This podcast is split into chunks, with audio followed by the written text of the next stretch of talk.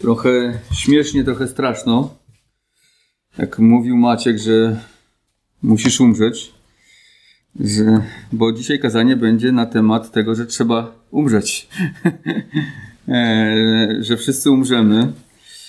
Także mówię, że trochę śmiesznie, trochę straszno, ale to jest prawda. To jest prawda. Nie da się tego ukryć, nie da się od tego uciec. Wszyscy po prostu zmierzamy do śmierci. I chciałbym, żebyśmy przeczytali 23 rozdział Księgi Rodzaju. 1,20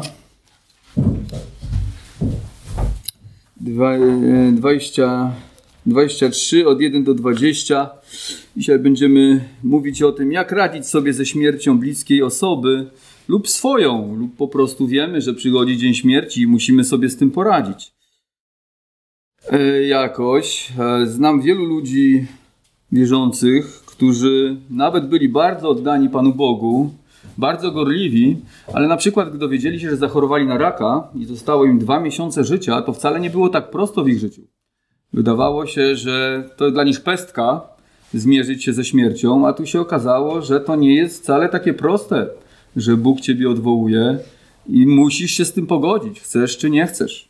Chociaż byli bardzo gorliwi, byli bardzo oddani i kochali Pana Boga, to jednak w momencie, kiedy przyszła wiadomość o śmierci, nie było łatwo po prostu przez to przejść.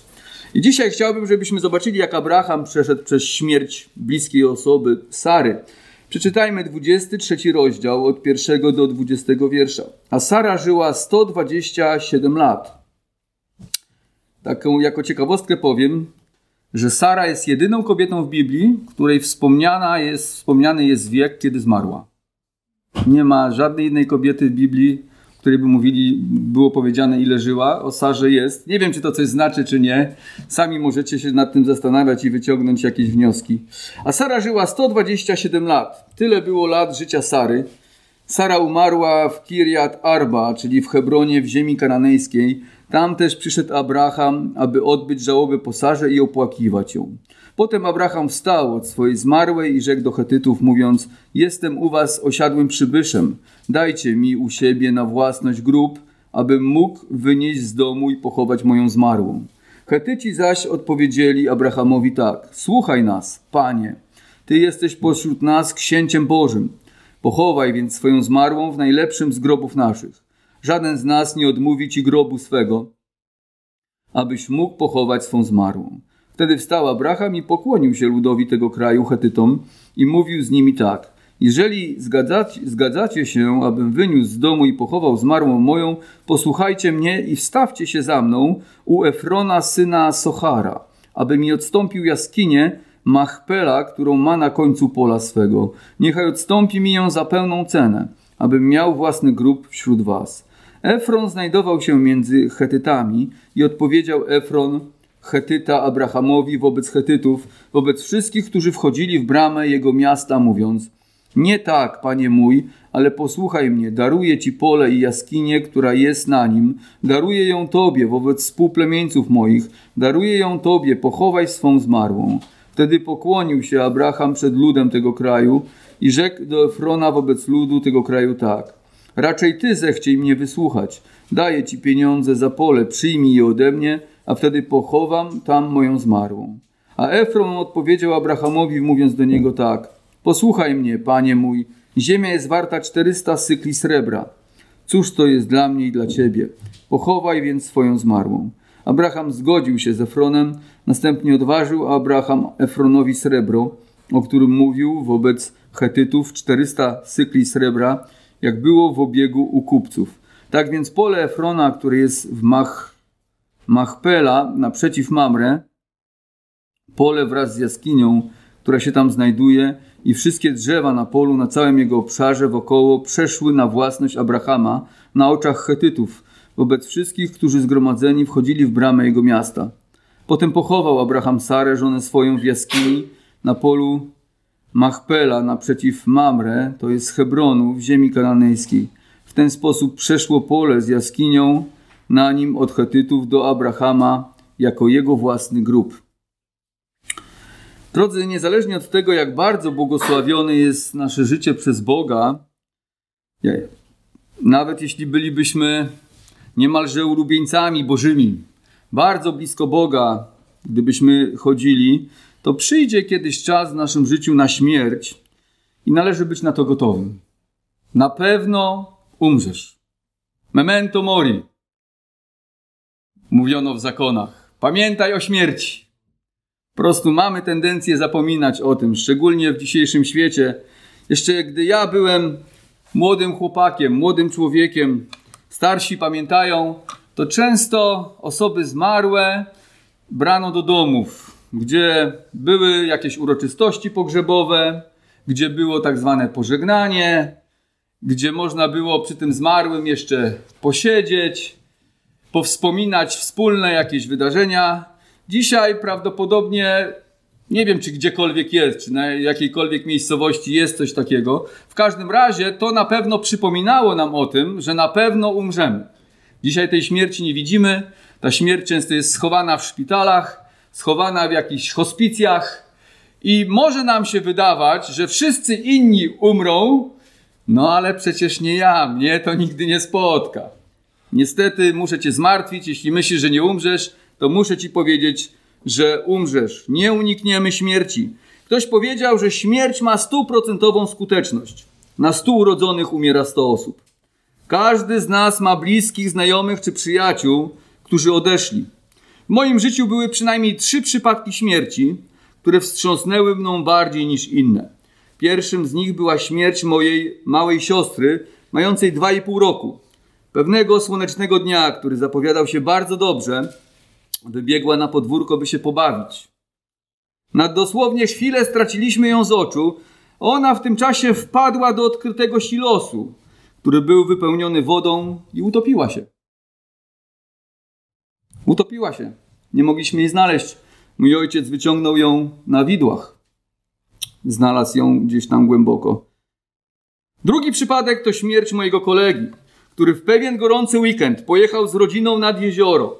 Fajny weekend, fajnie się zapowiadał, by odpocząć i się trochę ochłodzić. Tak jak my czasami, po prostu jedziemy nad jezioro, jedziemy nad morze. Bierzemy jakieś jedzenie, bierzemy rodzinę, super dzień będzie. Wybieramy się nad morze. I on też tak pojechał z rodziną, z dzieckiem, ze swoją żoną. Wszedł do wody zaledwie do pasa, zasłabł i utopił się, mając niewiele ponad 20 lat. Trzecim przypadkiem była śmierć mojego ojca, który w wieku 52 lat zginął w tragicznym wypadku, przygnieciony ciągnikiem rolniczym. Każdy musi umrzeć, niezależnie od tego, czy tego chcemy, czy nie. Odejdą również nasi bliscy, niektórzy za naszego życia, inni po nas. Odejdą nasi rodzice, odejdą nasi rodzeni bracia, nasze siostry, nasza mama, nasz ojciec, nasi przyjaciele. Nie wiemy kiedy, ale wiemy, że tak będzie. Więc należy się przygotować na to, jak sobie poradzić z własną śmiercią i śmiercią bliskich.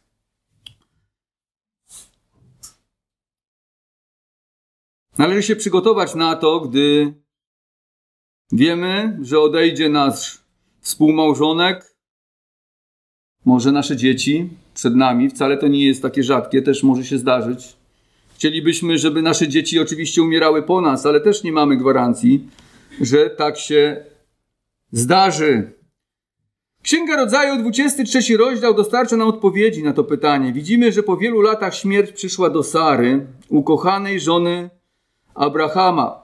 W tym czasie Izaak miał około 37 lat, czyli było to około 17 lat po tym, gdy Abraham składał go w ofierze na górze Moria.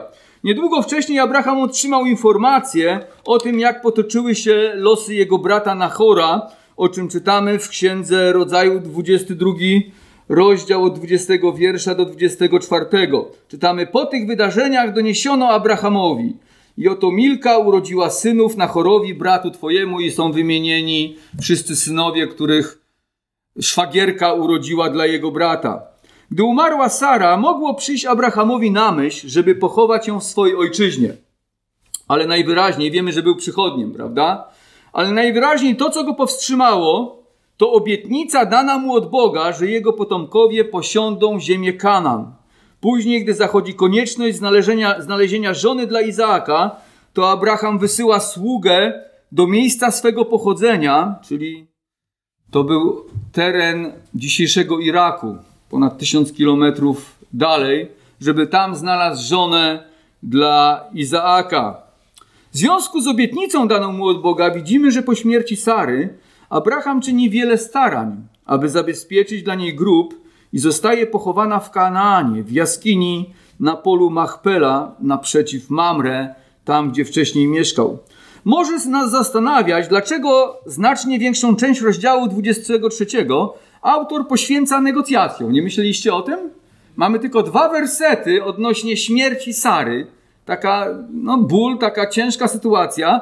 A mamy cały rozdział poświęcony negocjacjom Abrahama o ten grób. Zastanawiałem się nad tym. Mówię, dziwne to jest.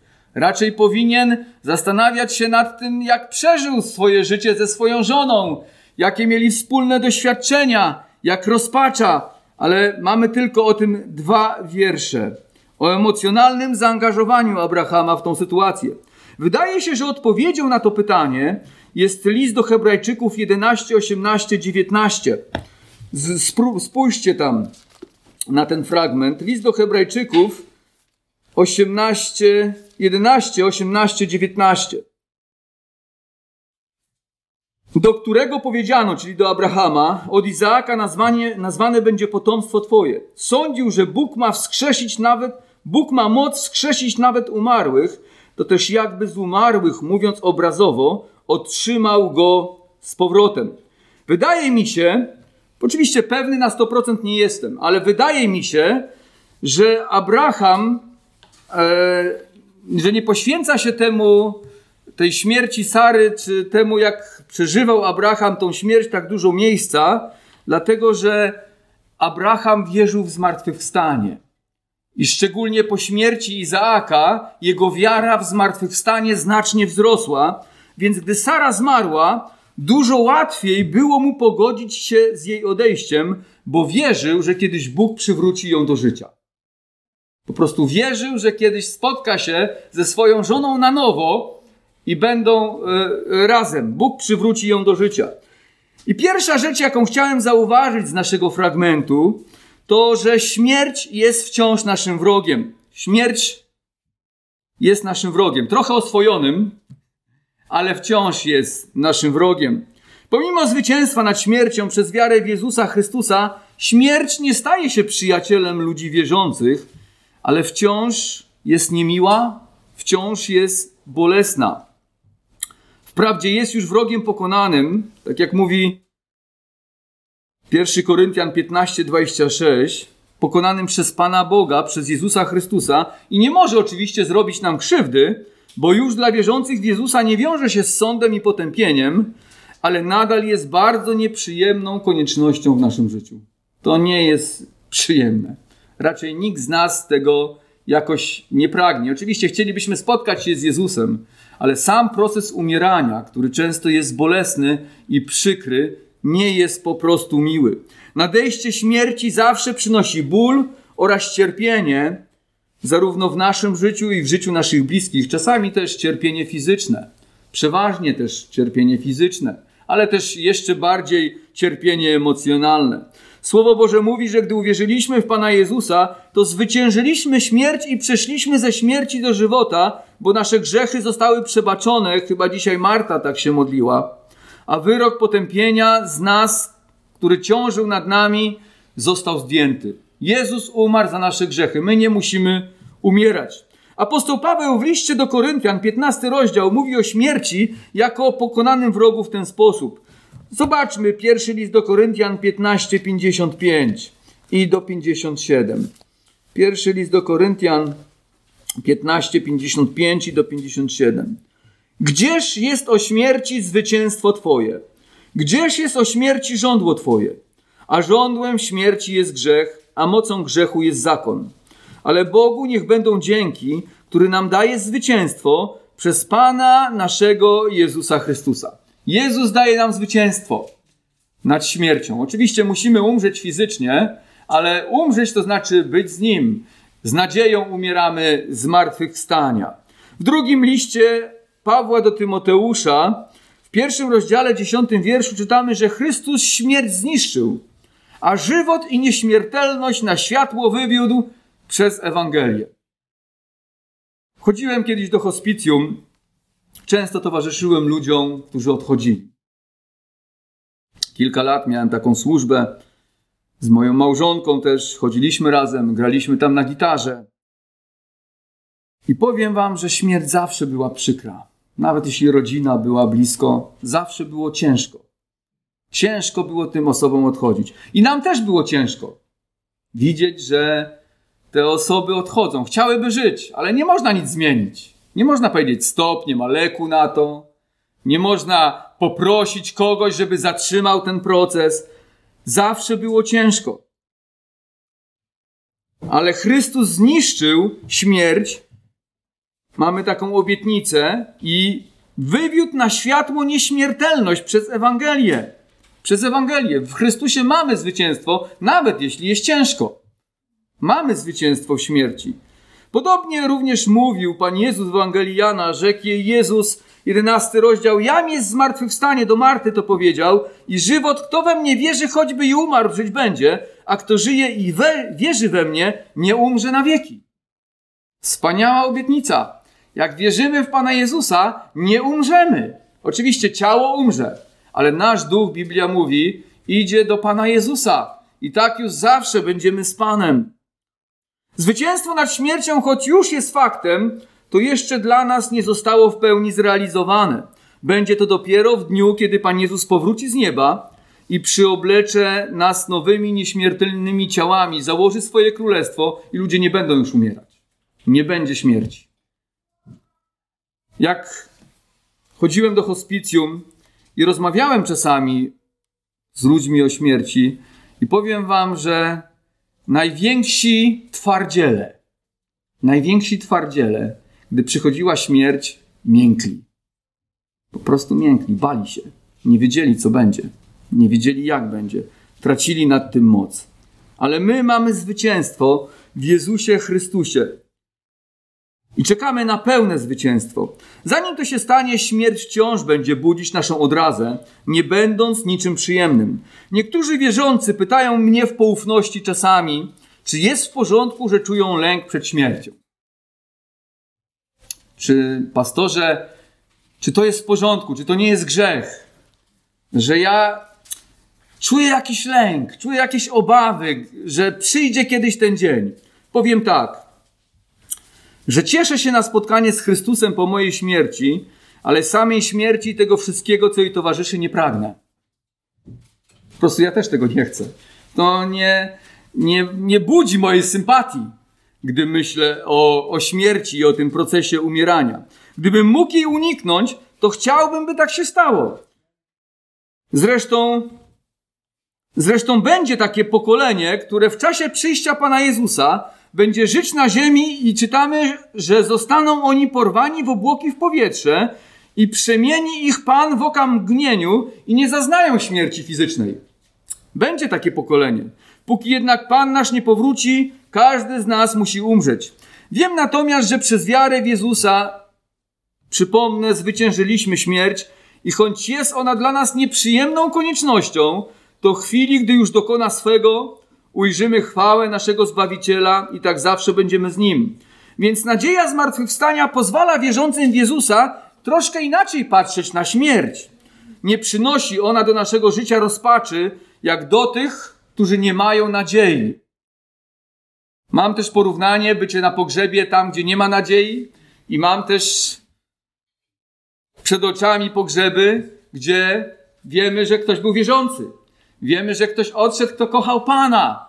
I to nastawienie emocjonalne, ta świadomość, że ktoś poszedł do Pana, daje realne pocieszenie, zarówno dla rodziny, jak i dla bliskich. To więc widzimy to również u Abrahama, gdy zmarła jego żona, że chociaż on się smuci i przeżywa żałobę, ale ma pocieszenie. Wierzy, że ona kiedyś zmartwychwstanie, tak jak wierzył w zmartwychwstanie Izaaka. Także pociesza go to, że kiedyś będą razem, kiedyś on dołączy do niej. Więc śmierć Sary nie jest dla niego tragedią. To najwyżej bardzo nieprzyjemnym przymusem. Druga rzecz, smutek i żałoba po bliskich, którzy odchodzą, jest czymś normalnym i naturalnym. Niektórzy wierzący wypierają fakt śmierci ze swego życia. Wiele razy się już z tym spotkałem. Nawet twierdzą, że gdy odchodzi ktoś wierzący w Chrystusa, to w ogóle nie powinniśmy się smucić, a jedynie radować, bo jest już u Pana. Czasami spotykam takie rady, gdy umierają nasi bliscy. Co ty, płaczesz? Nie płacz, przecież on już jest zbawiony. Ciesz się z tego. Marne to są rady, marne to jest pocieszenie, bo jednak ból jest prawdziwy. I ból jest realny i taki też czuł Abraham. O ile mogę zgodzić się, że w przypadku śmierci wierzących mamy podstawę, by się cieszyć, że są już z Panem, to jednak temu też towarzyszyć pewne cierpienie. Sztuczna, wymuszona radość, gdy nasze serce odczuwa smutek po stracie bliskiej osoby, jest po prostu obłudnym udawaniem. Po prostu obłudnie ktoś udaje. Może też próbuje zakrzyczyć swoje bolące serce. Wie, jest mu smutno, jest mu ciężko, nie może się z tym pogodzić i wypiera to ze swojego serca. Zdarza się, że na pogrzebach wierzących chrześcijan mamy takie jakieś głupie rady. Mam nadzieję, że nie my, albo ktoś daje nam takie rady, że nie powinniśmy się smucić. Przedstawianie sprawy w ten sposób w ogóle nie pomaga. Normalne jest odczuwanie smutku oraz tęsknoty, gdy bliska nam osoba, z którą mamy wiele wspomnień, odeszła. Widzimy, że Abraham smucił się i płakał po stracie Sary. W drugim wierszu. Sara umarła w Kirat Arba, czyli w Hebronie w ziemi kananejskiej. Tam też przyszedł Abraham, aby odbyć żałobę po Sarze i opłakiwać ją. Choć Abraham był człowiekiem wielkiej wiary i wierzył w zmartwychwstanie, to jednak tęsknił za swoją żoną, którą kochał. Udawanie, że nic się nie stało, gdy odchodzą nasi bliscy, a nawet mówienie, że jest super, to coś niewłaściwego, co tylko nam szkodzi. Tłumienie emocji, udawanie, że jest w porządku, gdy nie jest, może nawet prowadzić do wielu chorób. Udowodniono, że tłumione emocje, choć stają się słabsze, to trwają dłużej i trudniej się od nich uwolnić. Po prostu jeśli wypierasz to, dłużej przeżywasz żałobę. Czasami nawet kończy się depresją. Badając osoby, które skrywały swoje uczucia smutku i bólu, zauważono, że o wiele częściej niż inni mają problemy ze snem, podwyższone ciśnienie, ataki duszności, choroby skóry i różnego rodzaju wysypki, a nawet depresję. Tak jest po prostu, gdy wypieramy nasze emocje. Pan Jezus, widząc płaczących ludzi przy grobie łazarza, cieszył się, skakał z radości, że zaraz podniesie go z martwych. No wiemy, że tak nie było. Prawda? Sam płakał. Sam płakał z tymi ludźmi. Rozumiał, że śmierć przynosi smutek i żal, który jest czymś naturalnym. Jeszcze bardziej to jest wymowne, gdy wiemy, że za chwilę miał podnieść Łazarza z martwych. A jednak płakał, smucił się razem z tymi, którzy przeżywali smutek. Stosował zasadę, którą później przedstawił nam Paweł w liście do Rzymian, że należy płakać z płaczącymi. To więc, gdy jesteś na pogrzebie i gdy odchodzi czyjaś bliska osoba, nawet jeśli jest to osoba wierząca, i widzisz, że jego rodzina i jego bliscy płaczą, to ty nie dawaj im taki rad, żeby się cieszyli, bo on jest u Pana. Raczej płacz z nimi, bądź z nimi, pocieszaj ich w ten sposób, módl się z nimi, przeżywaj z nimi ten stan. Ta nadzieja oczywiście, że jest u Pana też towarzyszy ludziom wierzących. To jest pocieszenie. Ale w tej chwili, gdy przeżywamy ból po stracie osoby zmarłej, no po prostu musimy to przeżyć. Także w dziejach apostolskich, po tym, gdy ukamienowano Szczepana, to bogobojni bracia pochowali go, ale czytamy, że płakali po nim wielce. Wiedzieli, że poszedł do Pana, ale płakali po nim wielce. Chociaż wiedzieli, że Szczepan jest w niebie.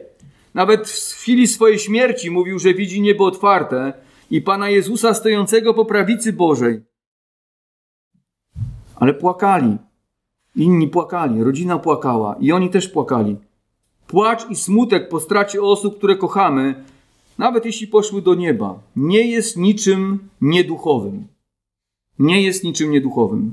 Czy okazaniem niewiary albo słabości, ale jest czymś właściwym, co pomaga nam pogodzić się z bolesną stratą. Świadomość, że z powodu śmierci bliskie nam osoby już nigdy w tym świecie nie uścisną naszej ręki, nie porozmawiają z nami, nie przytulą nas, nie pójdą z nami na spacer, nie zasiądą do wspólnego stołu i wiele jeszcze innych rzeczy nie zrobią, które mieliśmy w zwyczaju razem czynić, sprawia nam ból. Również pojawia się samotność. Czujemy się opuszczeni, wiedząc, że ta osoba już nie wróci. Jak powiedział król Dawid o swoim dziecku, które odeszło, że on pójdzie do niego, ale to dziecko już do niego nie wróci. Jakkolwiek mamy zawsze pocieszenie w Bogu, to nawet z Panem Bogiem ciężko jest, często jest ciężko. Często jest ciężko. Kolejna rzecz. Przez kupno ziemi w obcym kraju na grób rodziny Abraham wyraził wiarę w Boże obietnicę, że ta ziemia będzie należeć do niego. Przypomnijmy sobie, że Abraham w Kanaanie był obcym przybyszem i pochodził z Ur Chaldejskiego. To tereny dzisiejszego właśnie Iraku. Przybył w rejon Kanaanu, będąc prowadzonym przez Pana Boga. I otrzymał od Boga obietnicę, że ziemia, w której się osiedlił, kiedyś będzie należeć do niego i do jego potomstwa. Teraz, gdy umarła Sara, Abraham, tak jak mówiłem wcześniej, nie idzie pochować jej w miejscu, skąd pochodzi, ale nabywa w Kanaanie ziemię i jaskinie na grób od Hetytów, mieszkańców tego kraju, tubylców. A propos Hetytów, przez wiele lat twierdzono, że taki lud w ogóle nie istniał, a Biblia kłamie. Bardzo długo mówiono o tym, że nigdy nie było nigdy Hetytów bo nie znajdowano żadnych odkryć archeologicznych świadczących o istnieniu tego starożytnego narodu. Ale co ciekawe, pod koniec XIX wieku i w XX odkryto wiele wykopalisk. Całe miasta chetyckie, a około 20, znaleziono też około 25 tysięcy tabliczek w języku akadyjskim i w dużej części chetyckim. Przez wiele lat nie można było odszyfrować pisma, ale udało się to czeskiemu uczonemu w 1915 roku. Dzisiaj na temat Hetytów historia wie dosyć sporo. Wiemy, że był to bardzo zaawansowany ród, bardzo zaawansowane państwo, a Biblia kolejny raz okazała się wiarygodna. I czytamy tutaj właśnie, że Abraham kupował ziemię od tego starożytnego ludu, od Hetytów. Widzimy, jak Abraham z tym starożytnym ludem prowadzi interesy, transakcje nabycia grobu. Najpierw myśli o kupnie tylko jaskini, Machpela na pochówek, jednak przywódca Hetytów Efron proponuje mu także pole. Z początku nawet chce Abrahamowi te nieruchomości darować. Zobaczmy na jedenasty wiersz. Nie tak, panie mój, ale posłuchaj mnie, daruję ci pole i jaskinię, która jest na nim, daruję ją tobie wobec współplemieńców moich, daruję ją tobie, pochowaj swoją zmarłą. Co świadczy też właśnie o wielkim szacunku tubylców do Abrahama, Uznanie, jakim go wyrażają w szóstym wierszu. Zobaczcie, słuchaj nas, Panie, Ty jesteś pośród nas księciem Bożym. Baczcie, nie tylko Abimelech, który przyszedł zawrzeć z nim jakąś umowę, ale też inni ludzie uważali go za wielce błogosławionego przez Boga. Jesteś pośród nas księciem Bożym. Jednak Abraham koniecznie chce kupić te nieruchomości i zapłacić za nie pełną cenę rynkową. Myślę, że to świadczy też o jego uczciwości. Prawda? Uczciwy człowiek. Mógłby wziąć za darmo i cieszyć się, mam za free. Tak? Ale nie. Postanawia zapłacić. Postanawia postąpić uczciwie ale też jego zamiary co do nabytego grobu są znacznie szersze niż organizacja pogrzebu Sary. Pole i jaskinia nie będzie tylko miejscem pochówku jego żony, ale Abram kupuje je z myślą, że kiedyś on sam będzie tam pochowany, a nawet jego potomstwo spocznie w tym miejscu. Zobaczcie na 20 wiersz. W ten sposób przeszło pole z jaskinią na nim od Chetytów do Abrahama jako jego własny grób. On wiemy, że później i on tam będzie pochowany. Później też będzie tam pochowany Izaak, prawda? I e, też później pamiętacie e, tą wielką wędrówkę z Egiptu, jak Jakub zmarł, jak Józef wyprawił się właśnie do tego grobu i mieszkańcy tego kraju mówili, że ciężka żałoba spadła na Egipcjan, bo cały orszak Egipcjan szedł i zawieźli Jakuba również w to miejsce i też tam został pochowany? W ten sposób Abraham, ten mąż Boży, wyraził głęboką wiarę w stosunku do Bożych obietnic, że ziemię tą Bóg da im na własność, chociaż on sam był tam przybyszem. Nie kupowałby i nie chowałby swojej ukochanej małżonki w miejscu, gdzie nie miałby pewności, że on sam spocznie, a jego potomstwo również tam będzie. Abraham od Sary umarł dopiero po 50 latach, więc trochę jeszcze trwało, zanim on odszedł. Po prostu nie inwestujesz zbyt wiele w miejsce, które nie będzie twoje. Tym bardziej, gdy dotyczy tak ważnej sprawy, jak spoczynku współmałżonka. Zobaczmy, że Abraham, działając przez wiarę w Słowo Boże, czynił ziemię Kanaan swoim domem, choć nie była jeszcze jego własnością i zadomawiał się oraz utwierdzał w tym miejscu coraz bardziej. Podobną wiarę wyraził Jeremiasz, gdy kupił pole w Anatot, Jeremiasza 32,7, podczas gdy Bóg miał osądzić swój lud za jego grzechy, wypędzając ich z ziemi obiecanej. Tak obiecał, że sprowadzi ich z powrotem, gdy będą pokutować. Zakup pola w Anatot dowodził przekonania Jeremiasza, że Bóg uczyni tak, jak obiecał i sprowadzi ich na to miejsce. Czasami, dzisiaj szczególnie, umierają osoby bliskie za granicą. Ktoś wyjechał do pracy, sporo osób wyjechało i raczej nie chowają tam. Prawda? Tylko czynią starania, co pewien czas widzę, zbiórka jakaś gdzieś, czy to na Facebooku, czy to na jakimś portalu internetowym, że zmarła moja bliska osoba, jest konieczność sprowadzenia ciała do Polski, żeby pochować ją tutaj. Dlaczego tu, a nie tam? Przecież można tam pochować. No dlatego, że serce tych ludzi jest tu. Chcą, żeby tutaj był ten bliski. Serce Abrahama było w Kanaanie. A dlaczego było w Kanaanie, a nie było w miejscu jego pochodzenia? Dlatego, że Bóg dał mu obietnicę. Zobaczcie, Bóg dał mu obietnicę i tam było jego serce. On wierzył, że tam będzie pochowana jego żona, on sam, jego bliscy, bo to będzie jego ziemia. Postępowanie Abrahama to wspaniały przykład tego, jak zachowujemy się, gdy rzeczywiście wierzymy Bożemu, Bożemu Słowu. Nasza wiara w Jezusa i Jego obietnice pociąga za sobą działanie. Gdy faktycznie wierzymy, że niebo jest naszym domem, naszą ojczyzną, do której zmierzamy, skąd Zbawiciela oczekujemy, to będziemy aktywni w służbie naszej ojczyzny i będziemy działać na jej rzecz. Królestwo Boże w życiu prawdziwie wierzących ludzi nie będzie tylko jakąś teoretyczną, wspaniałą ideą, ale czymś realnym, na rzecz czego oni będą pracować. Prawda? Dlatego, że to jest moja ojczyzna. Ja nie pracuję dla kogoś, gdy służę Panu Bogu. Pracuję dla siebie. To jest moja ziemia. To jest moja ojczyzna. To jest moja nadzieja. Nie mam innej. To jest przede wszystkim to, w co chcę inwestować swoje siły, swoje pieniądze, swoje życie, swój czas, bo wiem, że to jest prawdziwe. Tak właśnie postąpił Abraham, tak wyraził swoją wiarę w to, że rzeczywiście Bóg da tą ziemię, którą obiecał im dać. To więc, gdy wierzysz w Królestwo Boże, to będziesz je utwierdzać i będziesz je poszerzać. I tak mamy wiele wezwań naszego Pana, by żyć dla Królestwa Bożego. Pan Jezus powiedział, że mamy dawać dobre świadectwo temu światu w słowach, że jesteśmy światłością świata i ludzie mają widzieć nasze dobre życie i chwalić Boga Ojca, który jest w niebie. Mamy nie zbierać skarbów na ziemi, gdzie mól zje, złodziej kradnie i rdza niszczy, ale w niebie, gdzie są one bezpieczne. Mamy głosić Ewangelię wszelkiemu stworzeniu i czynić uczniami tych, którzy chcą uwierzyć, angażując się w ich życie i ucząc takie osoby wszystkiego, co Pan Jezus nam przykazał. Wczoraj jechałem do mojej mamy, musiałem pojechać i jechałem tam w Godzinie, patrzę, osoba stoi na przystanku i macha, ale machała innym samochodom.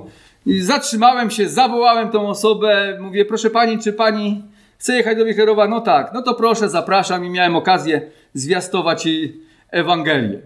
Prawda? No po prostu chcemy poszerzać Królestwo Boże. Jak mam wolne miejsce i mogę się zatrzymać i mogę kogoś wziąć i mam okazję głosić mu Ewangelię, dlaczego tego nie zrobić? Samochodu mi nie ucieknie. Prawda? Tylko posłucha o Panu Jezusie Chrystusie. Okazało się, że mieszka ta osoba w Gowinie. Nawet poprosiła o to, żeby przysłać jej adres zboru. Może się kiedyś pojawi. Przecież w modlitwie pańskiej Pan Jezus ucząc nas modlić się mówił, że mamy wołać do Boga, by przyszło Jego Królestwo. By przyszło Jego Królestwo na ziemi, ale też przyszło Jego Królestwo do mojego osobistego życia. Co faktycznie robimy, by tak się stało? Co robisz by przyszło Boże Królestwo do Twojego życia, do Twojej miejscowości, gdzie mieszkasz, gdzie Bóg Cię umieścił, do Twojego zboru, co robisz? I ostatnia rzecz, Abraham podporządkował się prawu, które panowało w Kanaanie. Zobaczmy, że chociaż otrzymał obietnicę od Boga, że ziemia, gdzie jest przybyszem, będzie jego, to nie zachowywał się w stosunku do tubylców arogancko, gardząc nimi i mówiąc, że jakim prawem pobierają jeszcze jakieś pieniądze za grunt od niego. No przecież Bóg dał mi tą ziemię, zaraz was tutaj po głowach postrzelam, to od razu będziecie znali swoje miejsce. Prawda? No niestety mam wrażenie, że czasami wierzący tak się zachowują. Że wywyższają się po prostu nad innych ludzi, że oni są panami tutaj w tym świecie, bo Bóg dał nam Królestwo Boże i my tu jesteśmy najważniejsi. I wtedy nie szanują innych ludzi, nie szanują praw, jakie Bóg ustanowił tutaj na ziemi i po prostu tego Bóg nie błogosławi, niestety. Bóg chce, abyśmy byli dobrymi obywatelami w tym kraju, w którym mieszkamy, abyśmy byli dobrymi sąsiadami, abyśmy byli dobrymi znajomymi, kolegami innych osób i w ten sposób dawali ludziom świadectwo. Abraham poszedł i normalnie rozmawiał o interesach z tymi ludźmi. Uznał prawo tych ludzi do tej ziemi. Dlaczego? Bo w tym czasie Bóg dał im tą ziemię. W tym czasie Bóg ich tam osiedlił i to była ich ziemia. Prawda? To więc kiedyś to będzie jego, ale w tej chwili Bóg dał tym ludziom tą ziemię i on uznał to prawo. Był wobec nich pokorny. Szanował prawa, jakie mieli i podporządkował się zasadom przyjętym w kwestii sprzedaży ziemi. Biblia mówi, że uczniowie Pana Jezusa posiądą ziemię. Nie wiem, czy pamiętasz te wersety, ale ja je pamiętam bardzo dobrze. dobrze. Spójrzmy na kilka fragmentów. Psalm 37, 11. Psalm 37, 11. Lecz pokorni odziedziczą ziemię i rozkoszować się będą obfitym pokojem. Pokorni odziedziczą ziemię i rozkoszować się będą obfitym pokojem. Psalm 37, 29. Sprawiedliwi posiądą ziemię i zamieszkają w niej na wieki. Zobaczcie, mamy obietnicę otrzymania ziemi. Ziemia będzie należeć do wierzących. Przypowieści Salomona 2,21. Prawi bowiem zamieszkiwać będą ziemię i nienagalni pozostaną na niej. Lecz bezbożni zostaną z ziemi wytraceni, a niewierni z niej wykorzenieni. Izajasza 60:21. A twój lud będą stanowić tylko sprawiedliwi, na wieki posiądą ziemię, jako latorość zasadzona przeze mnie, dzieło moich rąk, aby się wsławić. Mateusza 5:5. Błogosławieni cisi, ale bowiem oni posiądą ziemię. Chyba Suis Lewis, taki znany autor chrześcijański, powiedział kiedyś: celuj w niebo, a zdobędziesz i ziemię. Celuj w niebo, a zdobędziesz i ziemię. Jeśli celujesz w ziemię, nie zdobędziesz ani nieba, ani ziemi. Prawda? Ale celuj w niebo, zdobędziesz i ziemię. To więc mamy podobną obietnicę, jaką miał Abraham, że będziemy mieli ziemię. Gdy przybędzie Pan Jezus, to założy swoje tysiącletnie królestwo i ziemia będzie dana jako dziedzictwo świętym Najwyższego. Niestety, tak jak mówiłem, niektórzy chrześcijanie, uważając się za wybrańców, Zamiast żyć pokornie w tym świecie przed ludźmi, którzy nas otaczają, jak żył Abraham, to wywyższają się, są aroganccy. Uważają się za lepszych od innych. Zamiast dawać ludziom świadectwo o Bogu, no to odpychają ich od Boga. Wiemy, że Żydzi tak się zachowywali, gardzili poganami, prawda? I co apostoł Paweł powiedział w liście do Rzymian, że z waszego powodu ludzie nie nawracają się do Boga, bo tworzycie podział między ludźmi tego świata a wami i to podział, który jest zły. Nie chodzi o taki podział, który ma być, czyli że mamy być oddzielonym ludem świętym dla Pana Boga, ale oni tworzyli taki sztuczny podział, który świadczył o tym, że my jesteśmy lepsi. Wy wszyscy idziecie do piekła, ale my, no to jesteśmy wybrańcami Bożymi, idziemy do nieba. Nawet jeśli to jest prawda, to nie mamy w sposób arogancki tego okazywać ludziom, tylko mamy ich miłować i mamy im świadczyć o Jezusie Chrystusie, bo są zgubieni. Abraham również szanował prawo, jakie panowało w tamtym rejonie. Podobnie chrześcijanie, choć ich ojczyzna jest w niebie, to póki co mają szanować ziemskie ustanowione prawa przez ówcześnie, rządzących pod warunkiem, że nie są one sprzeczne ze Słowem Bożym. W liście do Rzymian 13:1 czytamy tak. I dalej. Każdy człowiek niech się poddaje władzom zwierzchnim, bo nie ma władzy jak tylko od Boga, a te, które są przez Boga są ustanowione. Czy to kto się sprzeciwia władzy, przeciwstawia się Bożemu postanowieniu. A ci, którzy się przeciwstawiają, sami na siebie potępienie ściągają. Rządzący bowiem nie są postrachem dla tych, którzy pełnią dobre uczynki, lecz dla tych, którzy pełnią złe. Chcesz się nie bać władzy, czyń dobrze, a będziesz miał od niej pochwałę.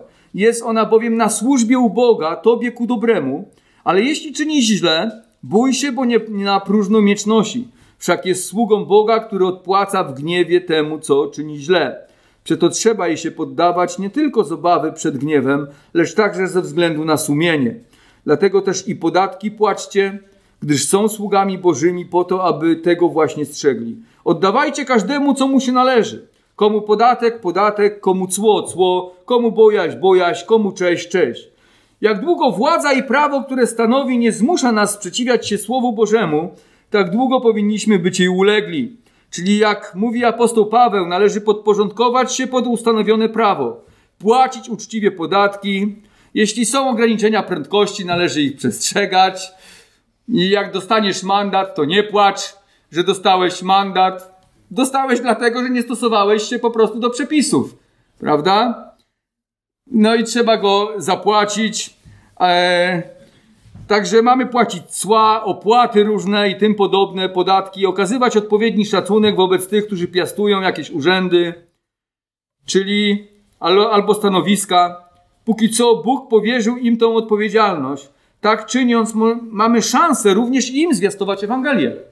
Gdy idziesz, jesteś miły dla pani urzędniczki, prawda, i tam z nią rozmawiasz, to masz szansę jej zwiastować Ewangelię. Ale jak od razu będziesz krzyczał, że tu z Twoich pieniędzy ona ma etat, e, jak to czasami widzę, tu musi mi pani usługiwać, bo to ja pani płacę, bo podatki płacę, a pani przecież ma pensję z tych podatków. No to nie ma szansy już dzielić się z taką osobą Ewangelii. No raczej nie będzie ciebie słuchać. Ale jeśli jesteśmy mili, jeśli jesteśmy dobrze rozmawiamy, to jest szansa, żeby przekazać Ewangelię tej osobie. Podsumowując, po pierwsze, śmierć nadal jest naszym wrogiem, choć wrogiem pokonanym i gdy przychodzi, to może być ciężko, ale pocieszenie mamy w zwycięstwie naszego Pana Jezusa Chrystusa. Więc możemy powiedzieć razem z Pawłem, gdzież jest o śmierci zwycięstwo Twoje, gdzie żądło Twoje. To jest nasze pocieszenie. Po drugie, smutek i żałoba po bliskich jest czymś naturalnym i nie powinniśmy chować naszych łez i udawać, że jest w porządku, kiedy nie jest. Na pokaz też nie należy płakać. tak, żeby wyjaśniając, prawda? Przez kupno ziemi w obcym kraju na grób rodzinny Abraham wyraził wiarę w Boże obietnicę, że ta ziemia będzie należeć do niego. Podobnie i my przez wiarę powinniśmy inwestować w Królestwo Boże, bo jest naszym królestwem i kiedyś wypełni wszystko.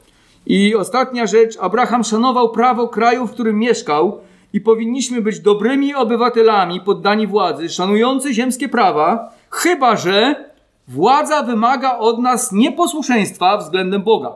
Wtedy musimy się przeciwstawić. Amen. Zachęcam do powstania i do modlitwy. Panie nasz Boże, bardzo dziękujemy Ci za ten przykład Abrahama. I na niego przyszły ciężkie chwile, kiedy umarła jego żona Sara. Boże, my też wiemy, że śmierć przyjdzie kiedyś do naszych bliskich, ale też i do nas samych. Pomóż nam w chwili śmierci przyjąć ją w nadziei w Twoje obietnice, tak jak zrobił to Abraham w przypadku Sary. On wierzył, że Ty podniesiesz się z martwych. Dziękuję Ci za to zwycięstwo, które mamy w Jezusie Chrystusie. Panie, stawiamy się też o naszych bliskich, którzy jeszcze Ciebie nie znają, o wielu, którzy sobie lekceważy też dzień śmierci i myślą, że może jakoś przed tym uciekną, może uciekną przed Twoim sądem. Wiemy, że to jest nieprawda że każdy umrze i każdy musi przed Tobą stanąć. Panie, pomóż nam traktować poważnie ten czas, kiedy od, będziesz odwoływał z, naszego, z tego świata nas i przygotować się na ten dzień, na dzień spotkania z Tobą. Panie, pomóż nam być też dobrymi obywatelami, uczciwymi ludźmi, aby w ten sposób dawać świadectwo temu światu o tym, że Ty jesteś prawdomównym, świętym i sprawiedliwym Bogiem. Przez imię Jezusa Chrystusa. Amen.